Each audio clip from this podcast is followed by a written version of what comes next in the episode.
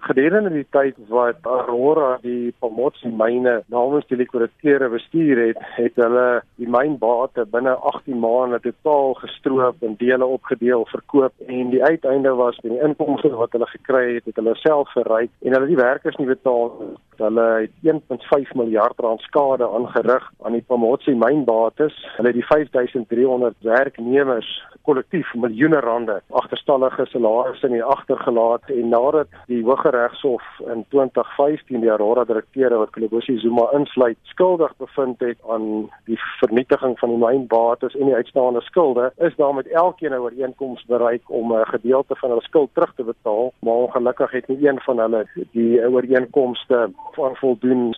Nou wat het die hof daaraan gedoen? As hulle nie hulle skulde vereffen nie dat hulle persoonlike bates vir 'n sekwestrasieproses van hulle ontneem sal word en daar was ook Kolobosi Zuma uitgesluit. Die ander vier direkteure wat Tulani Ngubani, eh, Zondo Mandela en Faisal en Solibana aansluit hulle moes verder ook vir korrupsie ondersoeke is hulle nog aan blootgestel en dan het die hof ook bepaal dat indien hulle die skulde wat hulle moet ooreengekom het wat hulle moet terugbetaal as hulle gebreke bly dan sal hulle gesamentlik aanspreeklik wees vir die volle bedrag wat 1.5 miljard is. So hulle sou maar slegs gesamentlik rondom 63 miljoen rand terugbetaal het, maar nou dat hulle dit nie gedoen het nie, is die 1.5 miljard rand skuld die aanspreeklikheid wat die direkteure het. So hoekom is die wet nie gevolg met Kolobusi Zuma nie?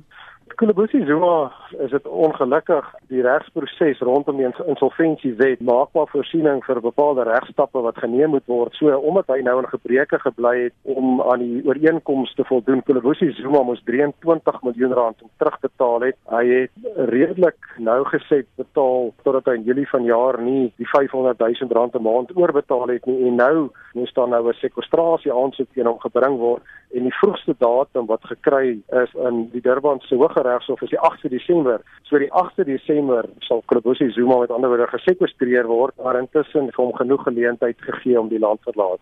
Hoe weet julle hy die land verlaat? Toe die sekwestrasie bevel op hom beteken moes word en daar geen aanduiding is dat hy woonagtig is by sy huis langs in Kandla nie, is sy prokureurs gekontak en sy prokureurs het oor die afgelope paar jaar het aangedui dat nie een van hulle onlangs met hom kontak gehad het nie dat hy homself nie in die hande kan kry nie en toe 'n ondersoekende joernalis inligting aan ons uh, gegee dat ehm um, hulle inligting weer by binlandse sake gekry het dat hulle weet Kolobosi Zuma die land verlaat en dat hy reeds in 2016 verblyfreg gekry het by die Verenigde Arabiese Emirate en sedertdien kan niemand hom opspoor nie en die bron binne binlandse sake het bevestig dat hy wel die land verlaat het. So ons aanvaar dit is die waarheid. Wat het van die werkers geword?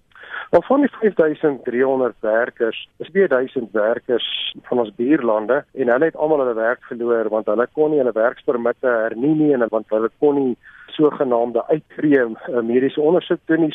Dan het van die 3500 werkers wat oorgebly het, het 'n klein handjievol van hulle weer werk in die hoofstroom gekry. En dan 'n groot aantal van die werkers kon hulle nie alternatiewe werk kry nie. Een weens die afskaling, twee dat hulle nie 'n uittreë mediese sertifikaat kon toon nie. En sodoende het ongelukkig 'n uh, handjievol van die werkers hulle gewend tot onwettige mynaktiwiteite